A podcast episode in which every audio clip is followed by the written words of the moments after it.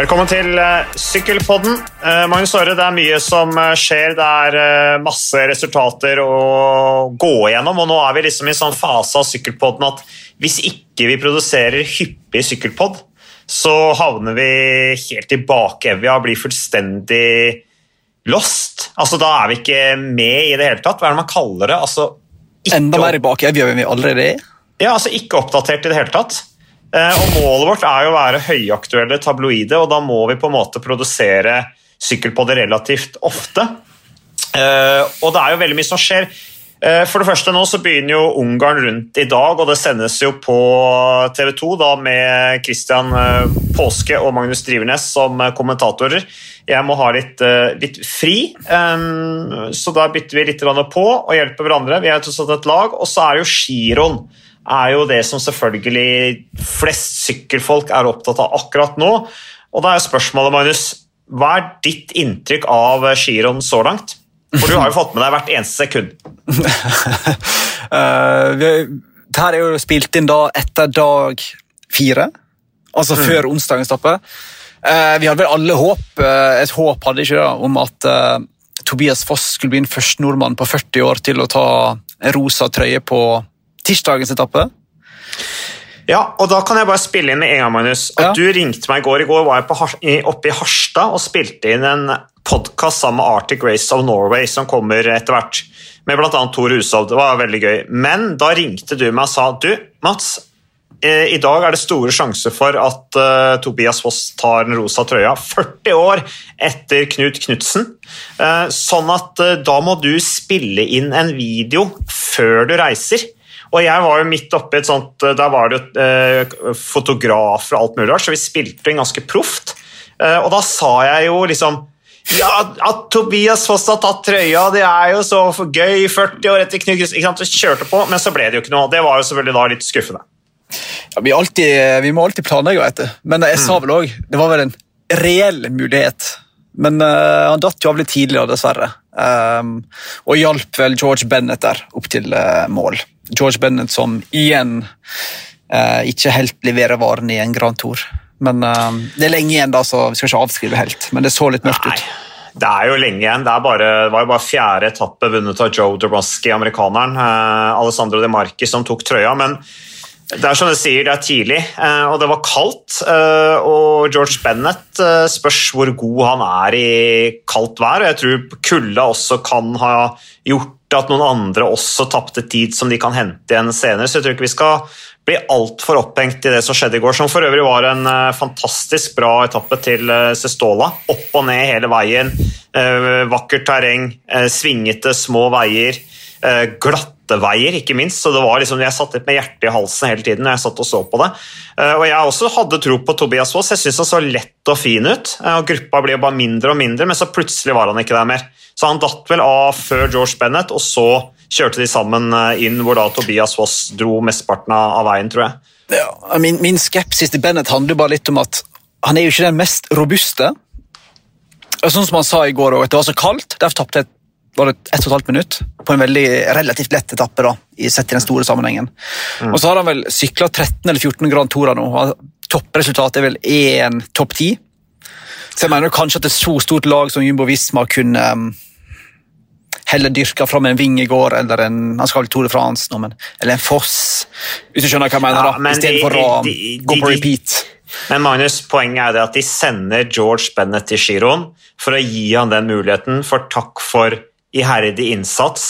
Eh, de ønsker å, å teste han litt i en rolle som eh, kaptein. Giroen er ikke topp prioritet hos Jumbo Visma. Helt åpenbart. De sender Dylan Kronewegen dit uten at han har sykla en meter etter, eh, etter denne utstengelsen for dette veltet i Katowice i Polen i fjor. Så de stiller jo altså med et lag som ikke vil være i stand til å forsvare en eventuell trøye hvis George Benn skulle sitte i rosa. Eh, så jeg tenker at dette her er egentlig et perfekt opplegg for, for Tobias Foss. fordi Han vil jo kunne få veldig frie tøyler underveis hvis George Bennett ikke har et stunt som virkelig fører han eh, opp i, i, i kampen om pallen i sammendraget. Ja, nei, det, er jo, det, er jo, ideelt for, eh, for, oss med norske øyne, men som lag så tenker en igjen at et så, eh, et så sterkt lag som de burde kanskje ha noe litt skarpere å sende som kaptein. tenker jeg da. Men, men, mm. det er jo ikke det viktigste. Det viktigste er jo at Foss var nummer tre på tempoen. Mm. Det var veldig imponerende. Og um, gøy å se at han får det ut i de største rittene. Uh, så det, var, det må vi hylle, og så får vi håpe han kanskje får en mulighet til å gå i brudd etter hvert. Eller, uh, ja, Siste tempoen er jo veldig fin for han, da. så um, det blir spennende. Det var mye Jumbo Visma og The kunne Quickstep uh, oppe i toppen på den uh, innledende tempoetappen hvor Foss ble nummer tre. Altså, bortsett fra Ganna, som vant, så var det jo da de neste plassene til og med syvendeplass var bare Jumbo Visma og The kunne Quickstep sier noe om at eh, noen, på, noen lag er bedre på tempo enn andre. Absolutt. Jeg så en del spekulert i at det var liksom, nye Cervelo-sykkelen til Jumbo Visma som gjorde forskjell, men uh, jeg tipper mer med at uh, noen lag som du sier, tar det litt mer seriøst enn andre. Mm. Um, det er Ja, ellers skal vi se hva er det vi har her som jeg har satt opp. Magnus, har du sett noe på startlista til Ungarn rundt, eller? Ja, det var jo ikke så veldig masse å se på. da. Eh, det var jo ganske uh, daffe greier. Uh, men det er jo en del gode spurtere med. Mm. Ikke veldig mange gode klatrere, for helt ærlig. Uh, det var vel en Ben Hermans, kanskje, og Damon House når han er i form. Johan Garcia, en liten colombianer. Mm.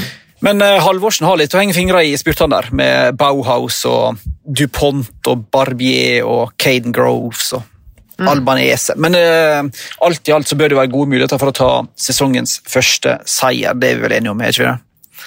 Jo, vi satser på det. altså. Det blir gøy å se Uno X der som uh, stiller med tre nordmenn og to danskere. Torstein Træn får én etappe hvor han får muligheten. og Du laget jo en sak på Torstein Træn nå som uh, ligger da på TV 2 sine sportssider på nett. Eh, hvor han eh, trener eh, Sitter og driver med sånn varme varme hva er det man, varmemanipulering for, for at det skal høres litt skummelt ut. ja, men det er vel Ja, det hadde jeg gjort en god stund, flere av seg gutta. Det er jo liksom fundert i det der forskermiljøet på Lillehammer som har studert og forska på nå i noen år. Det er ganske varmt i Ungarn, og så er det jo selvfølgelig veldig varmt i Tokyo.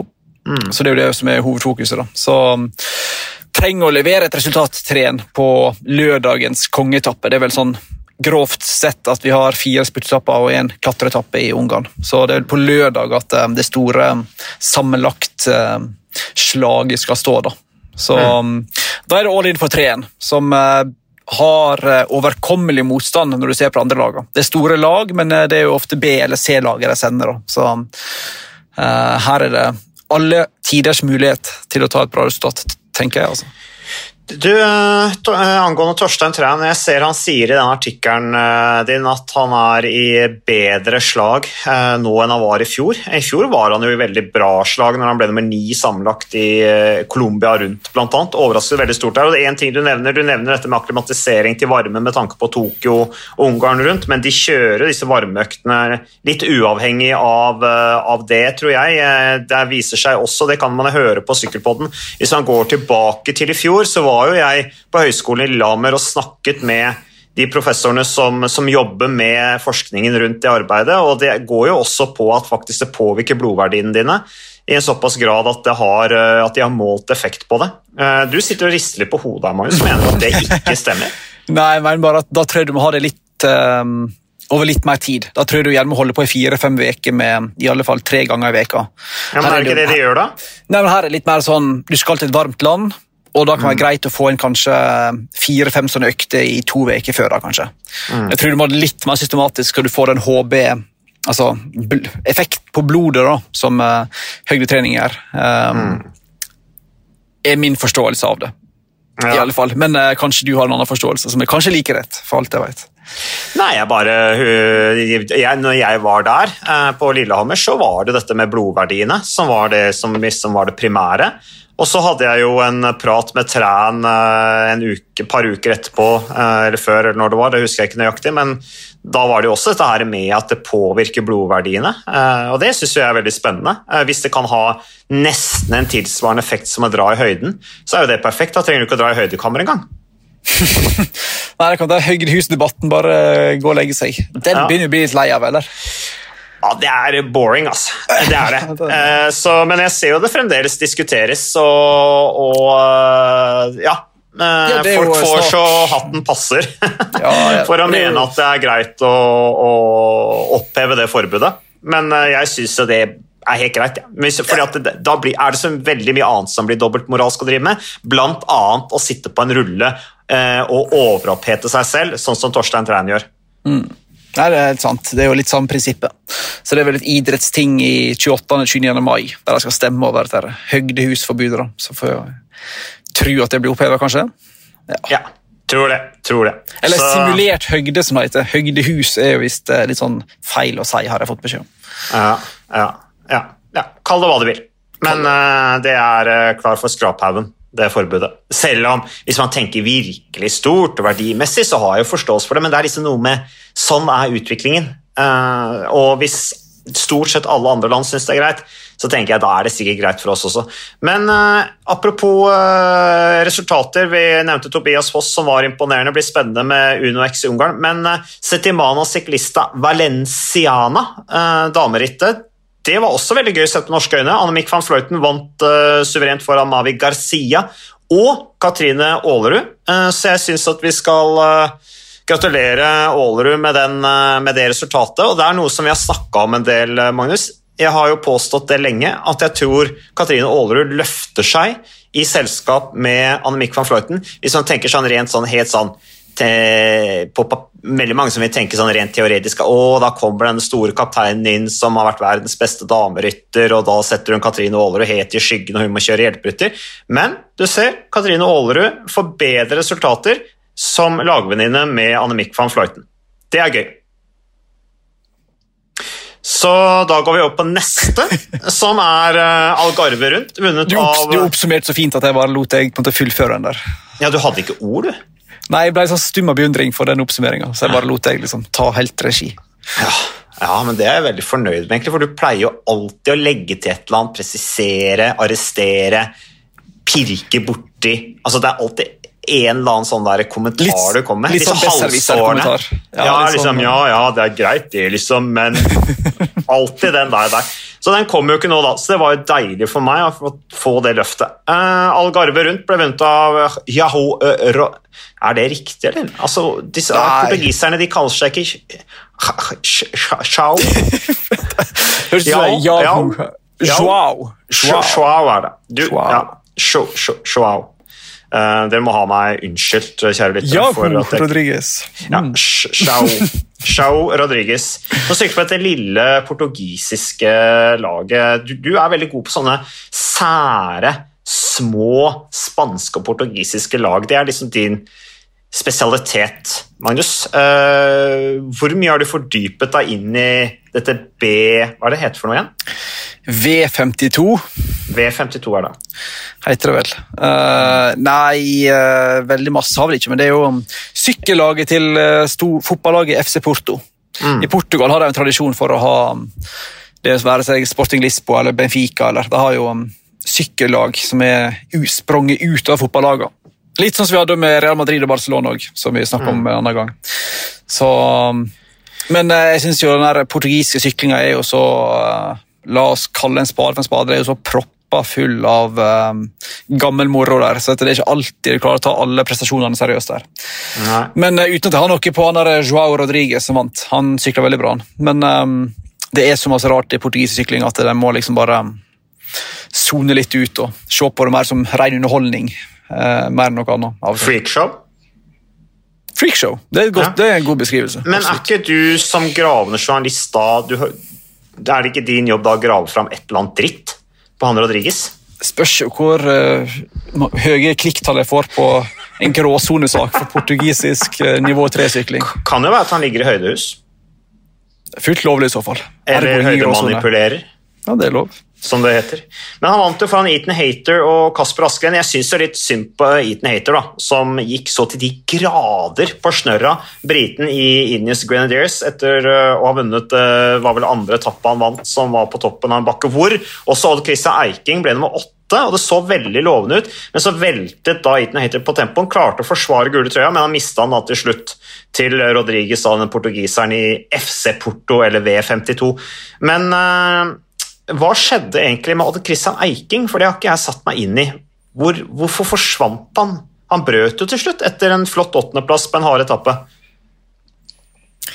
Stiller du spørsmål til deg sjøl, eller er det til meg? Ja, egentlig begge deler. For jeg, for jeg veit egentlig ikke, så jeg hadde håpet det var til deg sjøl. Ja, nei, altså, du tror at jeg stiller sånn retorisk spørsmål som da skulle bli fulgt opp med en lang tirade med, med viten om hva som skjedde med Christian Erking. Men hvis noen vet hva som skjedde med Christian Erking, send det gjerne inn til oss via våre sosiale medier på Mats Kaggestad eller eh, Magnus Orre. Helst på Instagram, for det er jo det som er det mest tabloide om dagen. Eh, da går vi over til eh, terrengsykling. Alpstadt, vunnet av Viktor Koretski foran Nino Schurter og Mathias Flykkinger ble ikke noe dominans fra landeveisgutta der, selv om Matthew van der Poel lekte seg til seier da i short-tracken, og det så jo veldig lovende ut med hans, uh, sett med hans øyne. Uh, og det er jo disse bildene fra når han står der før starten, og alle gutta sitter og varmer opp og ruller, og han ser ut som Mr. Cool. Det eneste som mangler, er at han tenner en sigarett. Eh, så, men eh, han klarte ikke å følge opp da på rundbanen. Da ble han bare Nei, nummer sju. Det var et sånn merkelig ritt, da, for han uh, dominerte jo fullstendig i begynnelsen. Gikk jo mm. solo der, med var det Henrica Avancini. Eller en annen. Ja, han er Også, brasilianeren, ja. men han åpner alltid veldig hardt. Og så bare hadde jeg fin luke, og så plutselig så hadde det helt stopp. Litt lange bakker riktignok for uh, Van og så var det ganske varmt der. Og Så kom mm. bare Pidcock fra liksom, startposisjon nummer 93 eller 95, eller fra 11. rad. da. Bare gjennom hele feltet. Gikk opp i tet, så han skulle vinne, og så var det, gikk det helt tom der òg. Han ble med fem til slutt. da. Ja. Men både han og Fannapol uh, fikk en litt sånn påminnelse om at nivået faktisk er ganske høyt. da. Mm. Uh, men det var litt, litt merkelig med Fanapol, som så fantastisk ut i én runde, og så bare slukna det litt. Men jeg tror på en måte terrengsykkelmiljøet puster litt lettet ut, jeg. Etter det, der. For det er liksom ikke bare å komme her og komme her, liksom. Eh, og dominere så til de grader og vinne lekene lett etter å bare ha kjørt landeveien og en god stund. Ja, sykkelcross òg, da. Det skal jo de gutta ha, de takler jo alt. Eh, men de fikk litt juling der. Men uh, jeg leste nå at van de Poel han sier jo det at han var ikke kjempeoverrasket over at han fikk det litt, fordi han han tror at han vil, vil, være bedre allerede nå i kommende helg i Nove Mesto. Så det blir jo spennende å se. da. Uh, og Nå er det jo om å gjøre å plassere seg lengst mulig framme for å få en god startposisjon i Tokyo på mm. de, de, innledende verdenscupene der. Eller innledende, altså de uh, verdenscupene som er i forkant. Enorm uh, bikehandling på han franskmannen som vant. Altså. Han er uh, Viktor Koretskij, tok sin første mm. verdenscuptriumf. Er helt sjukt å se på. Altså. Og det er jo jeg hadde på en måte på Alpstad på Mac-en og så Giro på TV-en. Mm. Altså, Sorry, Mac, men det er jo 100 ganger gøyere med én time intensiv sykling opp og ned i skauen enn sånn her eh, Giro, seks timers lang etappe mm. med Der du vet alltid at Androni, Bardiani og Eolo sender mm. en sånn nobody i brudd, og så sitter ja, de og venter og venter og venter og venter. Det er jo så lange etapper. Men det, er no, det som visstnok er litt av sjarmen med giroen, at de eh, holder fast på de lange, eh, søvndyssende etappene sine fortsatt. Ja, bortsett fra i går, da, som var en bra etappe. Den, den, ja, den, den var, var, fantastisk, men det er altså når, en, når, det er transport i giroen, da er det transport. Altså, ja, ja. I virkelig sånn tradisjonell forstand. Da er det sånn at du kan spise is og eh, ha på deg sånn klovneparykk. Sånn som man så i gamle dager. Men sånn har det jo alltid vært i sykkelsporten. da.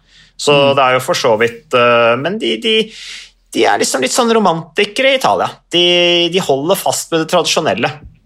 Så lange hva, etapper er kommet for å bli. Men apropos Italia, hva tror du eh, Tobias Foss kan um, få til i sammendraget? Du, nå, nå, hopper du jo helt ut av regien her. Altså, vi har jo vært igjennom giroen. Jo, vi gikk, så, vi, gikk, vi gikk, så, fort igjennom, så det var litt sånn, vi glemte et par ting der. Ja, nei, altså Hvis du skal tilbake på det, så Jeg har jo trua på at uh, det er litt, litt sånn usikker på hva. For det første litt avhengig av Bennett, men vi er vel enige med at vi har ikke sånn kjempetro på Bennett. Uh, og hvis laget, altså Jumbo Visma, tenker det samme, så vil jo det føre til at Tobias Foss får frie tøyler. For de ønsker å utvikle Tobias Foss, for han har jo et stort potensial som etapperytter, og det sier han jo selv også, at han har ambisjoner om en dag kjempe i toppen i etapperittene knallgod på tempo, har uh, potensial som klatrer. Uh, så, men, men, spørsmålet er om liksom, Det er tre mulige utfall der. Én at han går for enkeltetapper. Uh, og, og liksom bruker, skal bruke disse tre ukene for å komme gjennom de og bli herda, få, en treukers, et, få i beina. Eller så er det at han liksom, ok, tenker at okay, nå skal jeg bare se hvor lenge jeg kan henge med, og så kanskje se om han blir topp 20, topp 15. Kanskje får vi til og med en eh, ny sånn eh, prestasjon som vi så fra Carl Fredrik Hagen for et par år siden i, i Spania, rundt hvor han ble topp 10. Det er, jo, det er jo fullt mulig. Feltet er jo tilsvarer jo at det er mulig, tenker jeg. Ja, det er Feltet sterkere her enn det var i Spania rundt den gangen Carl Fredrik sykla der. da. Men uh, ja, nei, det er absolutt mulig. Enig i det. Mm. Selv om jeg tipper Ja, det er første Grand Touren, da. Med mm. unntak av den eh, amputerte giroen i fjor. Så um, jeg tror kanskje um, Ja, jeg er litt sånn um, skeptisk til å sette så høye sammenlagt mål allerede første Grand Tour. Men uh, mm. den som intet uh, våger drømmer og våger å drømme inntil et vinner jeg si Nei, det er ingenting å si til det, men ja, du skjønner hvor jeg vil. Det ja, det blir litt sånn å bøye seg i hatten. Ja, det blir litt ja, sånn. Så vi går glatt, en kvort videre. Ja, Jeg eh, var jo egentlig ikke ferdig med, med, med, med terrengsykling, men eh, greit. Um, Van Pool så jeg forresten han skulle fortsette å satse på terrengsykling til OL i Paris 2024, uavhengig om han vinner i Tokyo eller ikke. Uh, og så kan vi også nevne at vi hadde jo nordmenn med i, i Alpstad også. Uh, Erik Hekstad ble nummer 45, og Emil Hasund Eid ble nummer 70. Så det var ikke noe sånn eh, toppresultat fra de norske der. Eh, litt andre nyheter, Magnus. Tour Down Under ser allerede eh, er snakk om at det kommer til å bli avlyst i 2022. Fordi at australske grensen er forventet å være stengt i midten av neste år, altså 2022. Og da er det jo spørsmål også om det blir karantene for utøverne som skal til neste års VM i Australia osv. Så, videre. så det er eh, dårlige nyheter. La oss heller snakke om overganger. For vi vet jo at det har blitt liksom, de har virkelig røsket tak i dette med overgangsreglene i sykkelsporten. Blitt mye strengere. Nå er det ikke lov å, å signere kontrakter. Eh, dette var en regel som, eh, som, kom for noen år siden. Alle pustet lettet ut. Nå skal alt bli så mye bedre i sykkelsporten. Men du verden som overgangsryktene svirrer.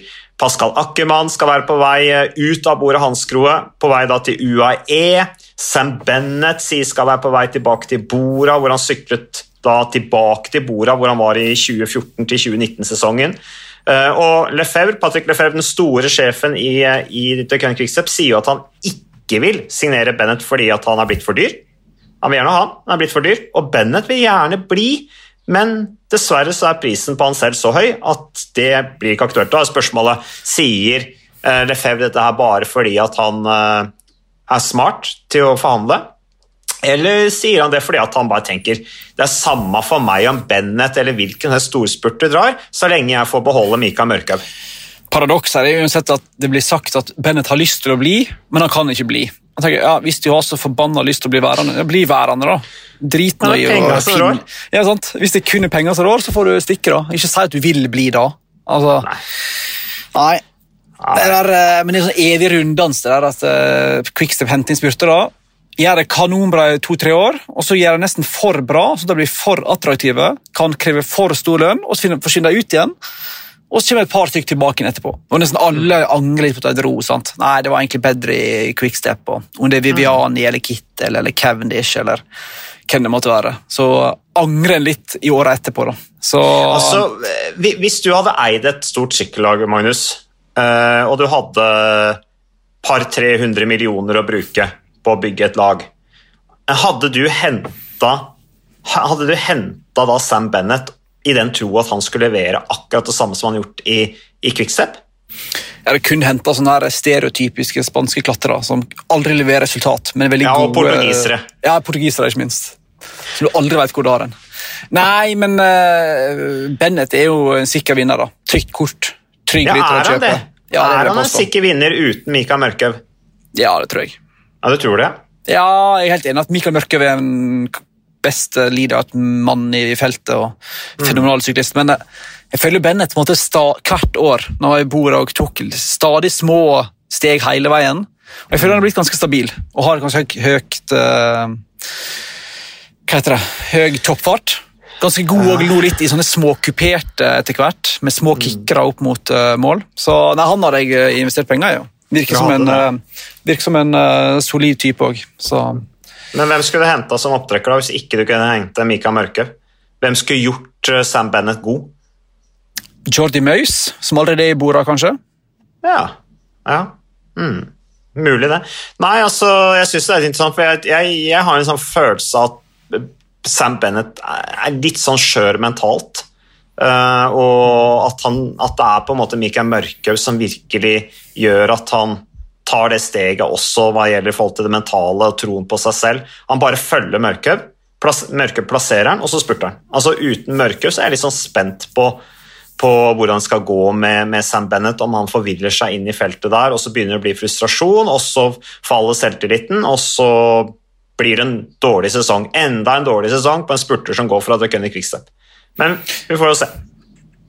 Vi får se. Den som lever, får se. Men eh, jeg registrerer jo at igjen at Lefever sier jeg har ikke penger til å bruke på han.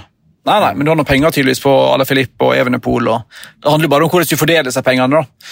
De har han jo signert på ekstremt lange kontrakter i tillegg. Så um, jeg mistenker at han driver med litt sånn der eh, mind games, uh, Lefever, for å før han plutselig drar en sånn superlukrativ kontrakt ut av eh, hatten likevel. Og det ikke overrasker meg. Han er nok eh, ganske knallhard, han der eh, Lefebvre, men eh, det er klart Disse lange kontraktene som han har gjort med med fem år er det med Evenepool, det er tre år med Askren nylig, tre år med Ala Philip.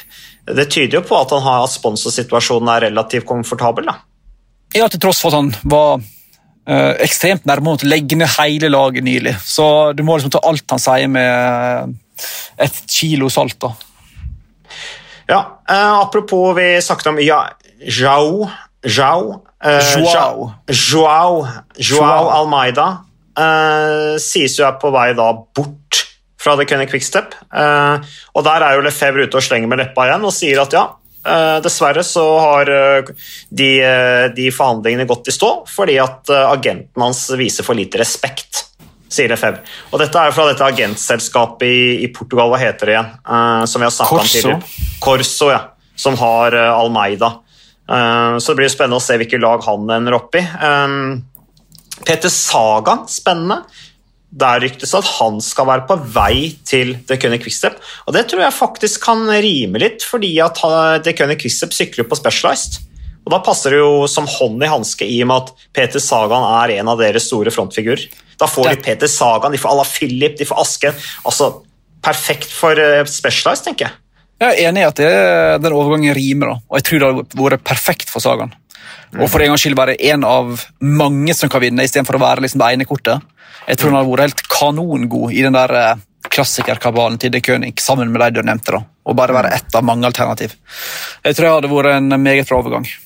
Ja, Der tror jeg rett og slett at Peter Sagan hadde kost seg Mm. i The Current Quickstep. Jeg tror at de hadde det, altså Der tror jeg en sånn Der tror jeg de kunne børsta støvet altså Hvis du kan si at du må børste støv av Peter Sagan Peter Sagan er fremdeles på et høyt nivå, men altså hvis de klarer å børste støv av Mark Cavendish til en viss grad, i hvert fall, så tror jeg også at, eh, at sagaen Sagan får seg et løft når han til, hvis han kommer til Current Quickstep. Det skal bli spennende å se.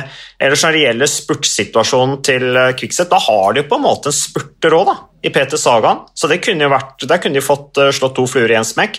For de har jo da egentlig ikke noen spurter hvis eh, Bennett forsvinner, og Fabio Jacobsen Man kan jo aldri være sikker på at han noen gang kommer tilbake etter de forferdelige skadene han pådra seg i fjor.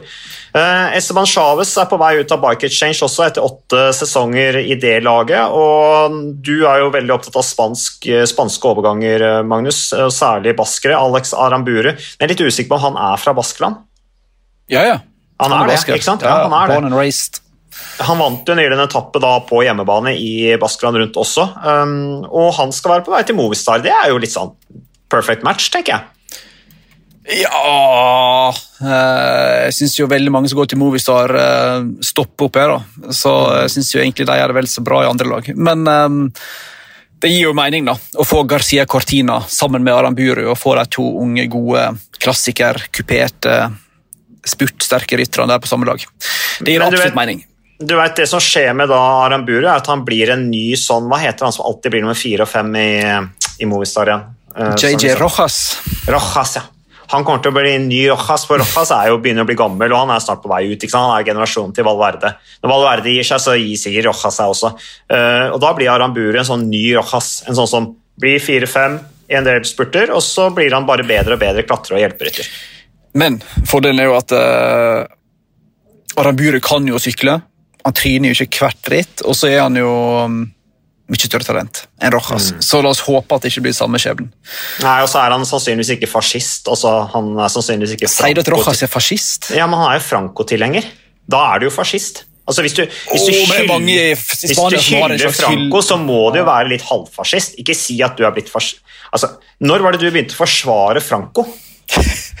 Var det mange drøye uh, Nei, men jeg mener, jeg mener bare at Nei, Jeg tok uh, kanskje munnen litt full, da. Jeg Det er jo mange i Spania som har eh, noen familiære uh, bånd til en, en svunnen tid i Spania. Men eh, vi Ja, nei, du får stå for den at han er fascist. Jeg, eh, jeg eh, avventer min dom.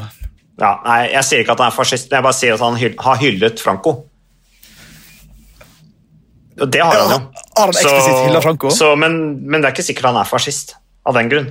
Men Franco var fascist. Det er jo eh, PR Ja, det er vi enig i. Franco, Franco var fryktelig mann.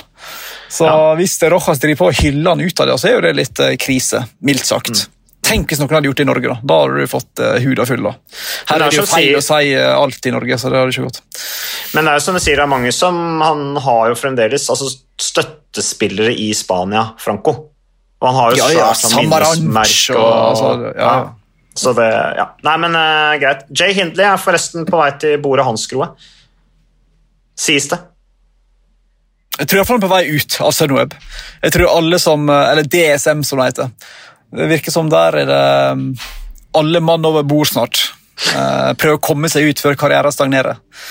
Så Ja, Stagnererne. Det er jo mange som gjorde det bra i, gjør i du- Sunweb i fjor. Eller DSM. Men det er jo ikke sånn kjempestemning innad i det laget i år, etter en ganske bedrøvelig sesong. I alle fall på kvinnesida og til dels på herresida òg. Så um, Merkelig, merkelig lag, det der.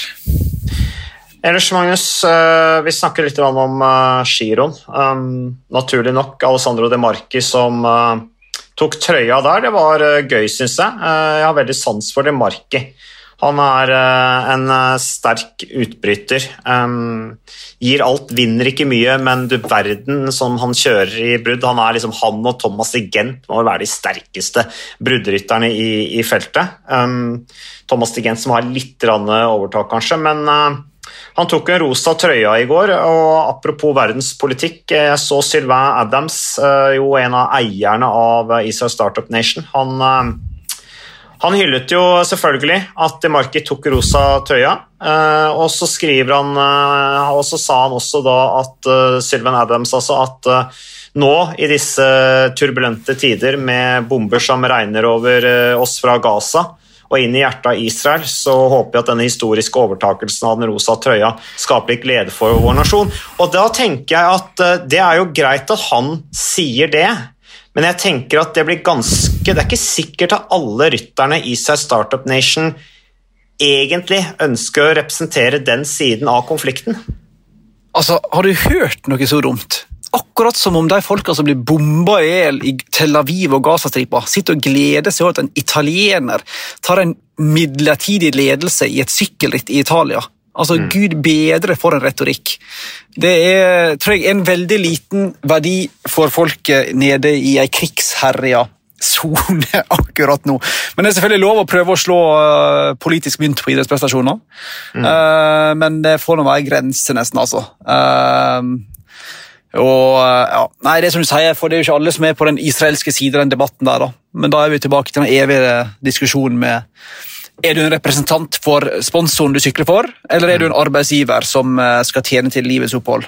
Uh, ja, Der ser man jo problemet, da, uh, Magnus, når, uh, hvor vanskelig det er på en måte å representere et lag som også på en måte representerer en nasjon. Uh, F.eks.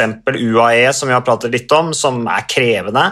Eh, som det har vært mye diskusjoner rundt, og vi får jo også kritikk sant, for at vi hyller Alexander Kristoff som igjen representerer UAE. Bahrain, ikke minst, som jo har en prins som blir anklaget for brudd på menneskerettighetene og tortur og all slags mulig slags fæle greier. Eh, og så har du nå da ISN-rytterne som på en måte nå blir litt dratt inn i dette her, når da lageieren snakker om rytterne som representanter da, for den israelske stat. Uh, og jeg tenker at ISA Startup Nation, Hvis du leser om ISA Startup Nation, så er jo egentlig det en, et gründermiljø, et teknologi-gründermiljø, uh, et investormiljø, uh, for å på en måte vise at det er mulig å skape økonomisk rask økonomisk utvikling da, gjennom offensiv eh, gründervirksomhet innenfor teknologi særlig. Eh, og jeg tenker at de burde nesten holde seg til at de er en kommersiell virksomhet, mer enn at de er, et, er en nasjon og en, noe som representerer en politikk. Eh, jeg, jeg, jeg, det må være krevende for rytterne å være en del av det der. Så... Ja, da får jeg, da signere for noen andre lag. Ja, men ja, ikke sant? Da vet jo at Israel mildt sagt er et betent tema i, i, verdenspolitikken, så hvis en ikke er klar for det der, så må en finne et annet lag, tenker jeg. Mm. Det der må jeg ta høyde for før jeg signerer. Så, ja. Men jeg syns jo det er spesielt ja, at du, du virkelig tror at det Markis i rosa trøye i giroen skal liksom hjelpe de som blir bomba i sønder og sammen på Gazastripa. Nei, det troen på egne ferdigheter er iallfall stor, da, for å si det mm. sånn. Ja. Ellers, uh, vår faste spalte Bokbadet, har du fått tak i denne boka om uh, Jostein Wilman ennå, eller? Du, 750 kroner måtte jeg punge ut for å få tak i siste eksemplaret hos en antikvar i Sverige. I Sverige? Så, ja, så Jeg fikk tak i boka og har lest 17 eh, sider. Vil du høre et kjapt utdrag? Ja, la oss få det. Dette er jo tross alt Bokbadet for hva du får for 750 kroner i en bok som er skrevet i 1982. Arild Nyquist. Arild Nyquist har blant annet um, Han beskriver han sykler ut på treningstur. Så setter jeg den på en stein i veikanten, leser det glaner ut i lufta. Det, det, spretter fisk i vannet, det er mye annet fint å se på også. Vakre skapninger på to bein med skjørt og skikkelig sving på hoftene. Og da kan du tro at jeg sykler fort etterpå! utropstegn. Så det er jo um, tung tung litteratur og et godt bilde på ei svunnen tid igjen. da. Dette er altså en bok om Jostein Wilman, som det refererer til nå? Ja, ja det er det. Men, Som, men, uh, men du er jo du er, du er, en, du er en skarp type, Magnus. Du er en intelligent person. Uh, når, ja, det syns jeg du er. Det skal du ha. Altså, Du får mye dritt av meg, men akkurat den der skal du ha. Men, men hadde, hvis du bare har lest 17 sider så sier det meg noe om at den boka er tung. for Normalt så er du sånn som setter deg ned og leser en bok, selv om den er på engelsk, til og med, i løpet av et par dager. Ja, ja, men den her kom jo i posten i går ettermiddag. Oh, ja, ok. Mm. Ja, Så jeg er sånn delvis unnskyldt der. Ja, så er det en ny, ny, serie vi ser på i heimen nå, så det tar litt tid på kvelden. Så. Hvilken serie er det? New Amsterdam på er den bra, eller? Ja, sånn sykehusdrama. Litt sånn Grace Anatomy, uh, Chicago Hope-variant, uh, for jeg som husker den, den serien. Så um, den er ikke verst. Ferdig med Pernie. Så du den, eller? Nei, den har jeg ikke sett. Nei, det må du se. Jeg, mest, jeg, gleder meg mest til den der eh, oppfølgeren til Movistar-dokumentaren kommer. Jeg. Ja, jeg tror jeg eh, våre samboere gleder seg stort til. Litt familietid foran TV-en der. Marita, kona mi, falt også ut av den Movistar-dokumentaren. Ungene mine gadd ikke å se på den heller. Ikke? Det skuffa meg stort, ja. Uff. Uff. Så... Liam og Natalia har litt å lære. Ja, eh, jeg registrerer at dattera mi er veldig opptatt av fotball om dagen. Um, Arsenal. Så ja. Så Kondolerer til henne. Ja, så jeg må jo sitte da og se på Arsenal sammen. det kan jo være blytungt, for å være helt ærlig. Men uh, dagens tilbakeblikk, historisk tilbakeblikk, vi skal snart gi oss uh, Magnus, du er en opptatt mann, tross alt. Um, det står og banker på døra di med redaksjonelle sjefer som skal ha deg til å være ute og jage i feltet. Men uh, i og med at det er Giro Italia, så syns jeg vi skal snakke litt om Alfredo, Alfredo Binda. som er født i 1902, døde i 1986. Han vant Italia rundt fem ganger, og kun to ryttere har like mange samla-seire. Det er Fausto Coppi, som vant fra 1940 til 1953, og Eddie Merck, selvfølgelig den store Eddie Merck som vant første Italia rundt 1968, og den siste i 1974. Poenget med Alfredo Binda var jo at han dominerte giroen så til de grader. I siste halvdel av 1920-tallet. Eh, og i 1929 så vant han altså skirenn for fjerde gang, etter da vunnet i 25, 27 og 28. Og det ble så kjedelig at han vant igjen og igjen og igjen. Basert på da en på en måte Da var jo ikke sant, Alle sykkelritt var jo eh, arrangert av avisene. Som skulle lage historier som folk ville lese. ikke sant? Og de heiet jo gjerne på outsiderne. Gjerne også på taperne, på den som ble nummer to. Ja, fordi at det ble for kjedelig med Alfredo Binda. og Binda han sykla på en sånn måte at han, han var litt sånn usynlig, som sånn, uh, ja, litt sånn katt som sneik seg i feltet. Uh, og Han ble jo også beskrevet som så teknisk god at han kunne sykle da med et glass melk på ryggen uten å søle en dråpe. Han var så smidig, og bare plutselig så var han i brudd, og så forsvant han. Man så ikke noe til han. Uh, så han mista rett og slett appell, ble for kjedelig. Så han ble rett og slett betalt, han av arrangørene for å holde seg unna giroen. For å ikke vinne det igjen. Fordi at uh, det ble, folk var lei av at han Litt skulle som vinne. uh, Merx i Tour de France i 73, da Okanja vant. Ja, og Merx fikk jo et slag uh, i uh, Hva heter den der stigningen igjen, da? Uh, inne i Pyrenee-Orient... Nei, ikke i Pyrenee-Oriental der, men i Mass Sentral Massif så ble jo han slått av en Opp Dom. Så ble han faktisk slått til av en tilskuer. Så han fikk jo ribbeinsbrudd. En tilskuer da, som da uh, sympatiserte med, med godeste Raymond Polidor. Uh, og var, Da var jo på en måte Eddie Max på vei ned når det skjedde. Uh, så du har jo lignende dominans som også har blitt sant, beskrevet som kjedelig. sjakk han ikke Uh, du hadde Eddie Merck, som jeg nevnte. Lance Armstrong jo, Lance Armstrong bygde jo opp sporten på mange måter òg. Uh, Chris Froome og Team Sky Team Ineos har jo fått uh, kritikk. All Så- dominans i idrett er jo kjedelig, la oss være ærlige. Mm. Er jo egentlig det. Ja, så hva gjør man da? Jo, da betaler man folk for å holde seg unna. Så Binda han fikk altså 22 500 lire for å ikke delta i 1930-utgaven. Det var da en sum som da kompenserte for ny samleseier pluss seks etapper. Så eh, det er, det er måten å gjøre det på. uh, for å få folk til å holde seg unna og skape ser- mer blest og spenning. Interessant med Bind er jo at han, var jo, han vant det første offisielle VM i 27, stemmer ikke det? I Jo. Tyskland. Men han, var jo, han kom jo rett etter Constante Girardengo, som var liksom den første campionissimo. altså The champion of champions i terrengsykling. Samtidig som du også fikk Liarco Guerra som kom på slutten. der, så du hadde på en måte tre store duellanter. Og det var på en måte liksom skal jeg si, det blir veldig eh, snevert fokus der. da. Men det ble på en måte liksom trenden for terrengsykkel at du får sånne ekst ekstremt tette dueller mellom to superstjerner. Etter dem kom jo Coppi og Bartali på 40-50-tallet. Så kom på en måte den der eh, greia med, med Moser og Saronni, og til en viss grad Batalin sant, på 70-80-tallet. Så kom den duellen mellom Conego og Simoni, og så kom Basso. Uh, så de er veldig glad i Italia eh, å sette heltene sine opp mot hverandre. da. Og Der ble Binda en slags taper på mange måter, i og med at Girardengo, som var den første store italienske syklisten, var på en måte folket sin helt. da. Så vi føler med Alfredo Binda til den dag i dag, selv om han har vært død i 40, 40 år. eller noe, kanskje? Ja, men eh, han var, kom jo tilbake til skirenn og vant det, da. Uh, vant det igjen i 19... Nei, nei, han vant det ikke. Han brøt i 1931. Det var siste sjansene. 1930 så stilte han ikke. Siste gang det var i 1931, og da brøt han. Uh, så Nei, forresten. Vant ikke han i- nei, nei, nei, nå, nå roter jeg. Han kom tilbake i 1931, brøt, men så vant han igjen i 1933. Det var sånn det var. Og han vant altså 41 etapper i, i Italia rundt, som var rekord fram til 2003, da Mario Cipollini tok sin 42. etappeseier. Han hadde rosa tøye i 60 dager, godeste Alfredo Binda. Og i 2027, nei, 1927 så vant han altså 12 av 15 etapper. Så han var relativt dominerende, kan du si. Han han ble jo forresten trener han, for eh, Bartali og, eh, Gino Bartali og Fausto Coppi etter karrieren. Så det er litt artig. Det Det er artig. Det er gøy, altså. Nå sitter folk og humrer. Ja. Oi, Nå koser folk seg med sykkelpodden, altså. Nå, nå leverer sykkelpodden. Du, forresten, jeg har et navn på han jeg snakket om, du, som jeg møtte i, eh, i gata i Oslo.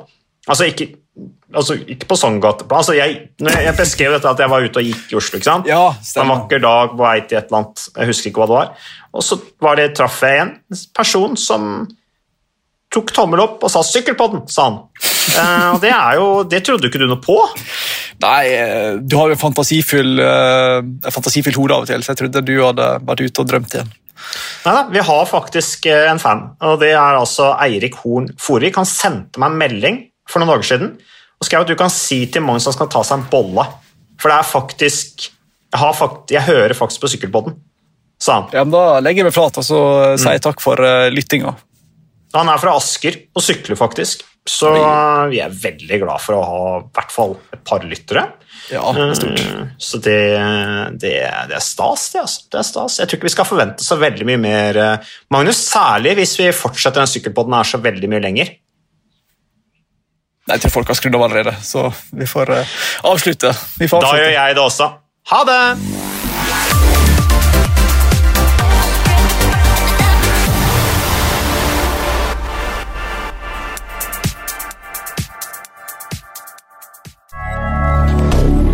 Moderne media.